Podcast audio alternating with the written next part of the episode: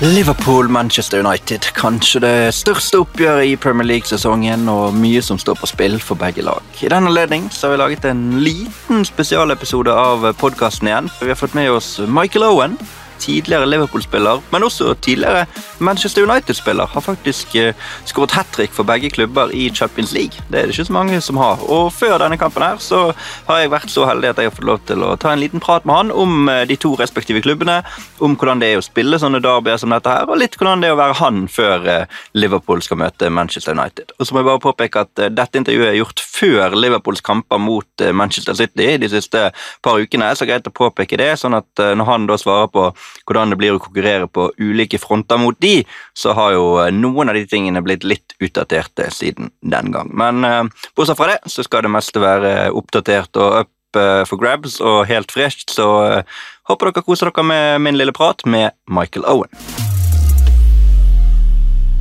Welcome, Michael Owen, Premier League legend, of course. Uh, you're following the Premier League close today as well, and It's almost nine years since you retired. Um, what do you see when you're watching the Premier League today compared with what it was like back in 2013 when you finished playing?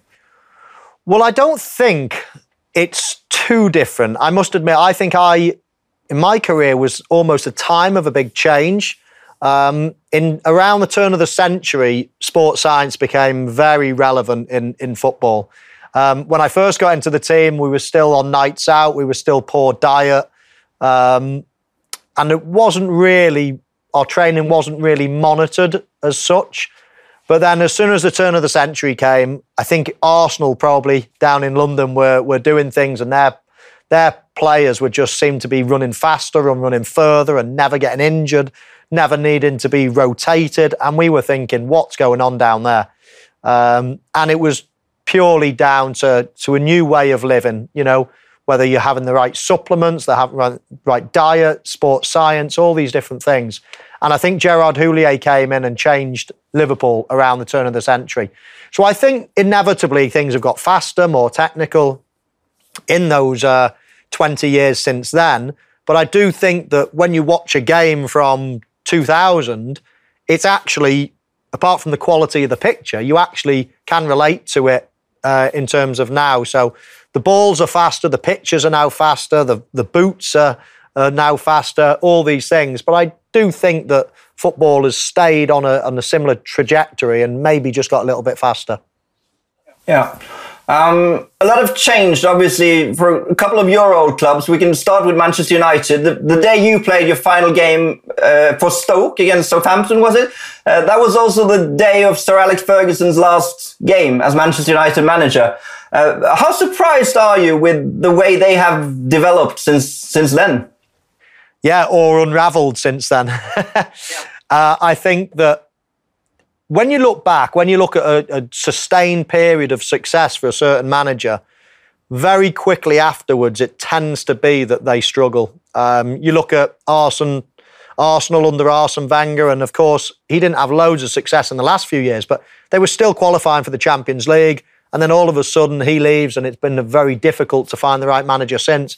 Manchester United's been very similar. So I just think that he was, of course, an absolute legend of the game that held that club together, to the, together with David Gill, actually, who ran the ran the uh, you know as a chief executive ran that side of things. And I think both of them leaving at the same time was a was a huge impact on Manchester United. And they've struggled since, no question about it. Um, they've tried lots of great managers, and it looks like they're going to need to try another great managers to find that right balance because at the moment it feels like they're going nowhere. Yeah. Uh, many, of course, compare them to what happened with Liverpool They went so many years without a trophy, one of your all, all, all other former clubs. Uh, and they have, in this period since 2013, grown to maybe not to old strengths, but to, to, to majestic level. How, how impressed are you by what Jurgen Klopp and Liverpool have done in the last years? Yeah, I think a lot of these teams goes on cycles, you know, and Liverpool, it's their time again after many, many years. And of course, in the meantime, there's been successes. I mean, I was p- part of a, of a team that, that lifted some trophies, but but this team is different. This team is the best Liverpool team I've ever seen in my lifetime.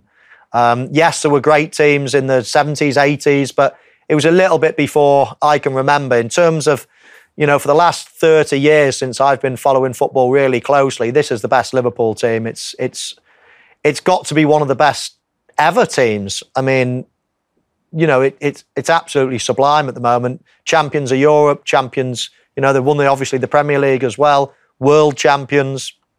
It's a brilliant time to be a Liverpool fan, and what they need to do is capitalise on this great team, win as many trophies as, as they can. And of course, they've won one this season. They're still playing for, for the other three. Um, and yeah, Jurgen Klopp's just done the most amazing job. I mean, he's absolutely perfect for, for what Liverpool needed. He's not just a great manager, but he's a great person. He's galvanised that whole city. The whole city love him, and, and the whole city are just been walking on air for the last few years since he's been there. Yeah. Uh, we have a Liverpool Manchester United match coming up soon. Um, what goes around in the stomach of Michael Owen before such a game or during such a game? You play for both clubs, so uh, what are your thoughts before before this one? Well, it's inevitably the uh, the biggest game in the calendar. Uh, even if Manchester City are an exceptional team themselves, Manchester United, Liverpool, it's the it's the first game that everybody looks at when the fixtures come out. Um, the two most successful teams in in English football history. What goes on in my mind? I mean, I work on the television a lot now, so I try to be impartial and try to see it from a neutral point of view. Uh, you know, there's no hiding the fact that I came through the ranks at Liverpool. Liverpool has got a huge part of uh, of me inside. You know, I'm I'm you know a Liverpool supporter, um, but I'm also grateful and I'm also you know take a keen interest in all the teams that I used to play for. I've got a a special bit of affection for everybody. So, you know, I, I certainly won't apologise for, for playing for, for other teams in, in my career. Um, but of course, you know, I, I, I'm a Liverpool fan at heart and, and, I, and I hope to see Liverpool win. Can you say something about how it feels to be a player in, in such a rival match like this? How, how does that feel as a player? Well, you know, a big game's coming like Manchester United because it just feels different the, the week leading up to the game. Um, people around the city. You know, if you're driving into training and you pull up at a set of traffic lights and they turn red, you're thinking, oh no, because you've got to stop and then somebody else parks alongside you. And, and if they notice it's you, it's like beeping the horn and screaming out that, you know, everybody's so revved up for, for the, those big games. And of course, I think it's important for you as a player to try to be very calm. Your, your, your mind is telling you to get even more excited because it's a bigger game. But I got I got confused with that early on in my career and I ended up getting a red card because I let emotions get the better of me. So I think it's really important to try to stay calm and, and, and use your heart as opposed to your, or use your head as opposed to your heart. Just finally, do you think Liverpool can go all the way? Can they secure that, what would be an amazing quadruple season? Do you think they have the possibility? Well, there's the possibility, but I mean, hand on heart, I think it's going to be very, very difficult to beat Manchester City in three separate competitions. I mean, they're going head to head in the league. Of course, if they get to the Champions League final, they can play them again, and then they play them in the semi-finals of the of the FA Cup. To beat that team three times would be incredible. Um, and of course, they can do it. But I think if you sat Jurgen Klopp and Pep Guardiola into a in a room now and they could shake hands and say, right, Pep would say, we'll win the Champions League and we'll give you the league. I think they'll both shake hands and settle for a big one each. Um, so, so as much as it's still an opportunity and still Liverpool are going to go for all four, uh, I think it'd be very difficult to win them all. Okay, wonderful, Michael. Thank you for chatting to us, and uh, we'll have some exciting months in front of us. Brilliant. Great to speak to you.